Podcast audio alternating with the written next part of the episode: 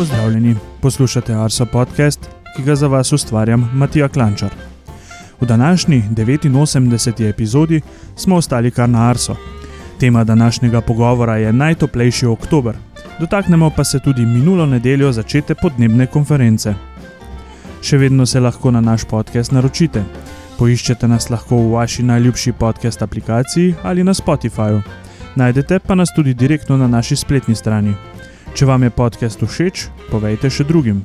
V stik z nami pa lahko stopite preko elektronskega naslova podcast.arsoafnago.si, seveda pa smo prisotni tudi na družbenih omrežjih, kjer z veseljem delimo vaše slike, storije ali se z vami pogovarjamo o vremenu. Na Twitterju smo Mete vsi, na Facebooku in Instagramu pa nas najdete pod imenom Arso Vreme. Osrednja tema. Prvi sklop današnje osrednje teme bo namenjen letošnjemu babjemu poletju, ki nas je grelo ob koncu meseca oktobra. Kot je v navadi, nam z zanimivostmi z področja podatkov priskoči na pomoč Gregor Vrtačnik. Zdravo, Gregor. Živijo. Po hladnem in zelo namočenem septembru je oktober pokazal lepšo vremensko plat. Gregor, kaj kažejo podatki na ravni Slovenije? Oktober je bil med bolj sončnimi oktobri v zadnjih 70 letih.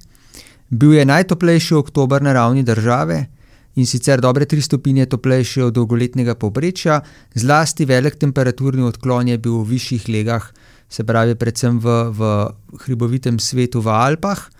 Nekoliko nižji odklon pa smo imeli na severovzhodu, kjer smo pa v preteklosti imeli tudi že kakšen toplejši oktober. Padavin je bilo povsod po Sloveniji, razen ponekod v Julijskih Alpah, podpoprečno veliko. Zlasti v južni in vzhodni Sloveniji je bilo res zelo malo padavin in je bilo to pravo nasprotje septembru. Zanimivo je tudi, da je bilo na začetku meseca v Visokogorju oziroma na najvišjih vrhovih Alp še kar nekaj snega, na Kederici 1. oktobra še 55 cm, potem je pa ta sneg skopnel v nekaj dneh in proti koncu meseca so bile razmere v gorah bolj poletne kot pa jesenske. No, glede poletnih razmer bi pa lahko rekli tudi pri naslednjem vprašanju. Tudi po nižinah smo merili kar visoke vrednosti za konec meseca oktobra. Smo morda izmerili tudi kakšne rekordne vrednosti? Ja, izmerili smo kar precej rekordnih vrednosti. Proti koncu oktobra se je namreč vremenska slika nad Evropo spremenila in je precej spominjala na tisto v najbolj vročih poletnih dneh. Nad vzhodnim Atlantikom je bilo obsežno območje nizkega zračnega tlaka, v višinah je bila skoraj stacionarna višinska dolina s hladnim zrakom. To pomeni, da je prišlo do dolgotrajnega črpanja tople, res tople zračne mase iznad Afrike prek Sredozemlja proti srednji Evropi. Sprva je bilo težišče tega toplega vremena bolj v zahodnem delu Evrope, potem se je doseglo tudi naše kraje in pa kasneje tudi Balkan. Pri nas je, je bilo to, to obdobje najtoplejše nekako od sedemindvajsetega oktobra do prvega novembra, čeprav smo tudi še drugega novembra ponekod po nižinah izmerili več kot dvajset stopinj Celzija. Na začetku je bilo izrazito toplo zlasti v hribovitih krajih, recimo tam nad okoli petsto metrov nadmorske višine. nenavadno toplo seveda bilo tudi v, v, v gorah. tako da smo na začetku izmerili dobrih dvajset stopinj v večjem delu Slovenije, potem se je pa proti koncu oktobra to še nekoliko stopnjevalo.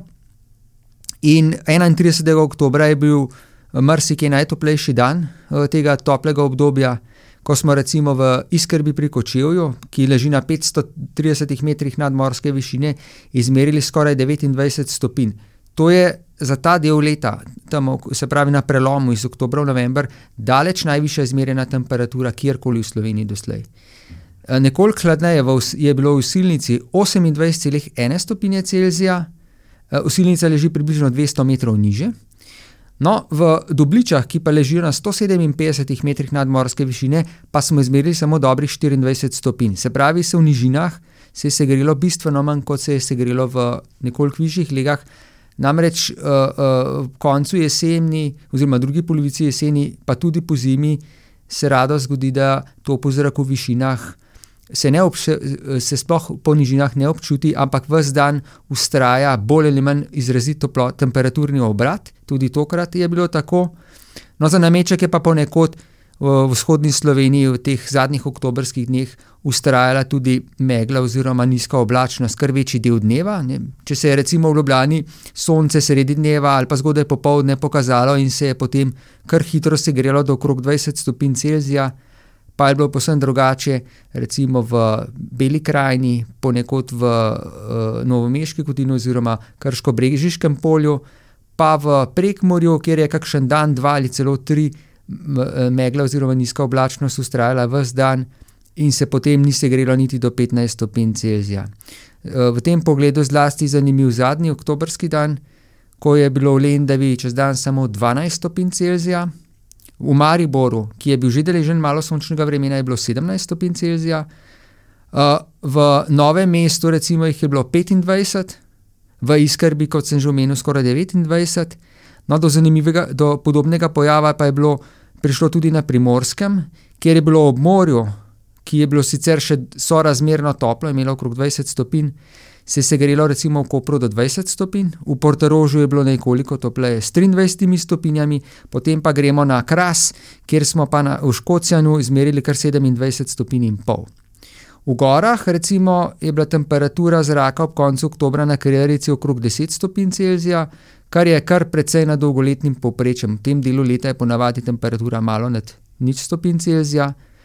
V priljubljenih recimo temu turističnih središčih na Rogli, Krvavci in Voglu smo izmerili pa tudi okrog 20 stopinj Celzija, kar so pa povsem običajne temperature za sredino poletja in ne za, za, za konec oktobra.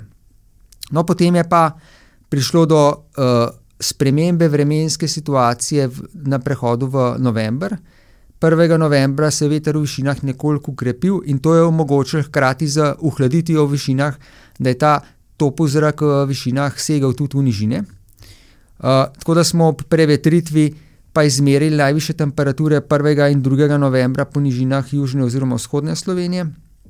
Tako smo v Dubličah in v Silnici 1. novembra izmerili 26 stopinj, to so nove rekordne vrednosti za vse november, ne samo za ti dve postaje, ampak tudi za celo Slovenijo. Uh, toplo, recimo, podobno toplo, nekoliko manj je bilo na Ptuju in v Celju, recimo 24 stopinj Celzija, v Ljubljani smo izmerili 23 stopinj, kar je tudi novembrski rekord.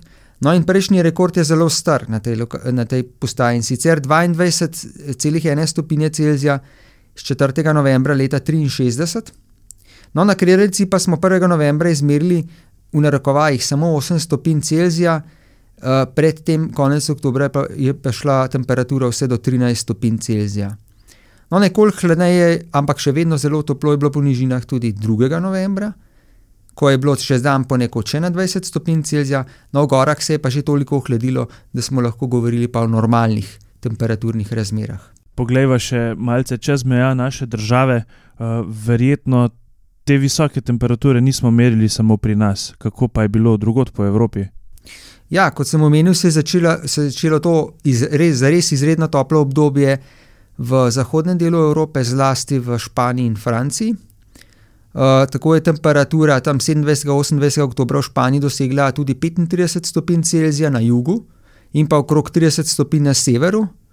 Uh, kot zanimivo, zaradi uh, vetrovnih uh, razmer v noči 27 na 28 oktober je bilo na severni obali Španije, v Baski, recimo v San Sebastianu, izjemno toplo. Uh, sredi noči so tam izmerili 28 stopinj Celzija, kar je izredno veliko, ne samo za dnevne razmere, ampak uh, uh, ne samo za nočne, ampak tudi za dnevne razmere.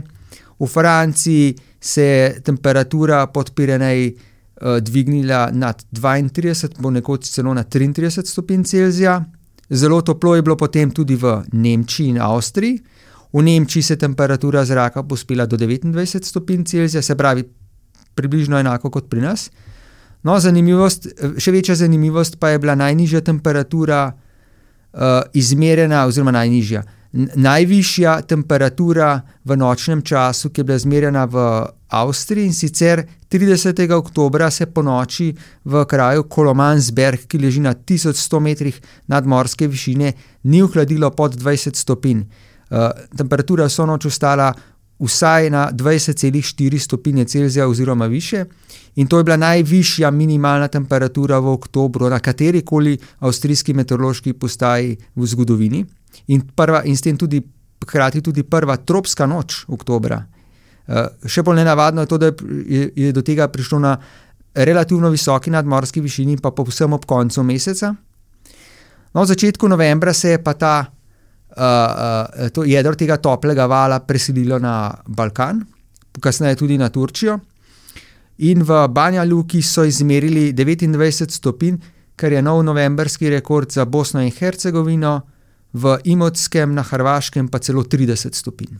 V upanju na bolj normalne razmere, pa se ti uh, vseeno zahvaljujem za tvoj čas, za te zanimive informacije, in pa seveda uh, se veselim tudi, uh, kakšnih drugih tematik, ki jih bova še kdaj obdelala v našem podkastu. Ja, hvala za vabilo in se slišimo ob naslednji podobni priložnosti. Na področju vremena in podnebja je v zadnjem tednu kar nekaj novosti. Ena izmed teh je tudi podnebna konferenca, ki se je minulo nedeljo, 6. novembra, pričela v egiptovskem letovišču Sharm el-Sheikh. Tudi na Agenciji za okolje smo upeti v delo na področju podnebnih sprememb. Nekaj več o glavnih temah, ki jih bo obravnaval letošnji COP27, pa Katja Klančar. Zdravo, Katja. Zdravo. Kaj se bo torej dogajalo v Egiptu? Ja, v Egiptu bo konferenca Združenih narodov o podnebnih spremembah in sicer gre za konferenco pogodbenic. Um, v luči letošnjih ekstremnih vremenskih dogodkov um, in napetega geopolitičnega ozračja pričakujemo težja pogajanja, kot so bila v preteklosti. Eden izmed glavnih ciljev je zagotavljanje sredstev za izgubo in škodo državam v razvoju, predvsem zaradi vplivov podnebnih sprememb, ki spre, uh, presegajo sposobnost družbe za prilagajanje na same podnebne spremembe. Sem spadajo recimo dvig morske gladine. Potem, um, že v preteklosti so se zavezali za podnebno financiranje v višini 100 milijard uh, ameriških dolarjev letno. In sicer naj bi razvite države zagotavljale državam v razvoju sredstva za podnebno financiranje v višini 100 milijard ameriških dolarjev do leta 2020. Ta cilj pa žal ostaja neizpolnjen. Želja za letošnji kop je, da bi se izpogajal nov finančni načrt za podnebno financiranje, ki naj bi začel veljati v letu 2025 in kjer naj bi se ta sredstva povečala. V nadaljevanju je izpostavljena tudi želja po krepitvi ciljev za blaženje vplivov podnebnih sprememb do leta 2030. In sicer v tej luči je najbolj izpostavljeno uh, zmanjševanje izpustov toplogrednih plinov. Države pogodbenice naj bi do konca letošnjega leta pregledale svoje zaveze pri zmanjševanju uh, toplogrednih plinov ter okrepile svoje cilje pri zavezah, saj novejša poročila kažejo, da s trenutnimi cilji ne bomo dosegli zavez Pariškega sporazuma. Delegati naj bi oblikovali tudi delovni program za povečanje ambicij in izvajanja blaženja v luči krepitve ciljev za blaženje vplivov podnebnih sprememb. Pričakuje se tudi določen napredek pri upoštevanju globalnih ciljev prilagajanja. Globalna ocena stanja pa je namenjena oceni stanja izvajanja zavez Pariškega sporazuma v rednih časovnih intervalih. COP27 predstavlja res pomembno priložnost, da svetovni voditelji ponovno pridobijo zagon v boju proti podnebnim spremembam, in največja želja je, da bi skupaj prešli od pogajanj in besed k dejanjem. Katja, hvala za informacije. Kaj več o tem? kaj se bo pa res zgodilo na kopu, pa verjetno v kakšnem izmed naslednjih podkastov. Obeti. Tudi tokrat je v vremensko prihodnost pogledala Veronika Hladnik Zakotnik. V zadnjih dneh so temperature končno postale primerne letnemu času, visoko gorju pa je ostalo še nekaj centimetrov snega. Območje visokega zračnega tlaka nad našimi kraji slabi in od severozahoda se nam približuje hladna vremenska fronta. Pred novo vremensko spremembo nas čaka v sredo največ sonca na severu in severovzhodu države, več oblačnosti ter občasen rahel dež pa na jugozahodu in jugu Slovenije. Posod pa bo vetrovno. Ob jugozahodnem vetru se bodo najviše dnevne temperature na vzhodu države lahko pospele do 20 stopinj Celzija. Vremenska fronta bo v četrtek prešla naše kraje, vreme bo zato oblačno. Dopoledne bo došel od severozahoda za vso Slovenijo. Zapihal bo severni veter, na primorskem pa burja. Hladilo se bo, meja sneženja pa se bo spuščala. Najviše dnevne temperature bomo ponekod izmerili že v dopodanskem času. Predvsem visokogorje bo ponovno dobilo nekaj 10 cm novega snega. V četrtek zvečer bodo padavine večinoma ponehale, od petka pa nas spet čaka več suhih dni. Nad večjim delom Evrope se bo namreč krepilo območje visokega zračnega tlaka. Po nižinah bosta pogosti megla in nizka oblačnost. Jutranje temperature bodo večinoma od nič do 5, najviše dnevne pa med 10 in 15 stopinj Celzija. Vremenske zanimivosti. Kot smo že slišali Gregorja v osrednji temi, je bil letošnji oktober res izjemen, celo najtoplejši, odkar imamo sistematično merjena meteoroloških spremenljivk. Pa si oglejmo še mesečne ekstremne vrednosti posameznih spremenljivk. Najnižjo temperaturo smo na jezerskem izmerili v začetku meseca oktobra.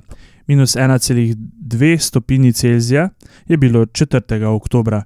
Najvišjo temperaturo smo izmerili prav na zadnji oktobrski dan. V Iskrbi je bilo 28,7 stopinje Celzija. Najhitrejši sunek vetra smo izmerili na Kredarici. 3. oktobra je pihalo s hitrostjo 115 km/h. Največ padavin v enem dnevu je padlo na Voglu, 23. oktober 132 mm padavin. Najbolj sončna postaja je bila v preteklem mesecu postaja Maribor Vrbanski plato, ki je skupaj zbrala nekaj več kot 208 ur sonca. Najbolj sončen dan pa je bil 3. oktober na Slavniku, ko je sonce sijalo 10 ur in 49 minut. To je bila 89. epizoda Arso podcasta. Želim vam veliko lepega vremena in se slišimo čez 14 dni.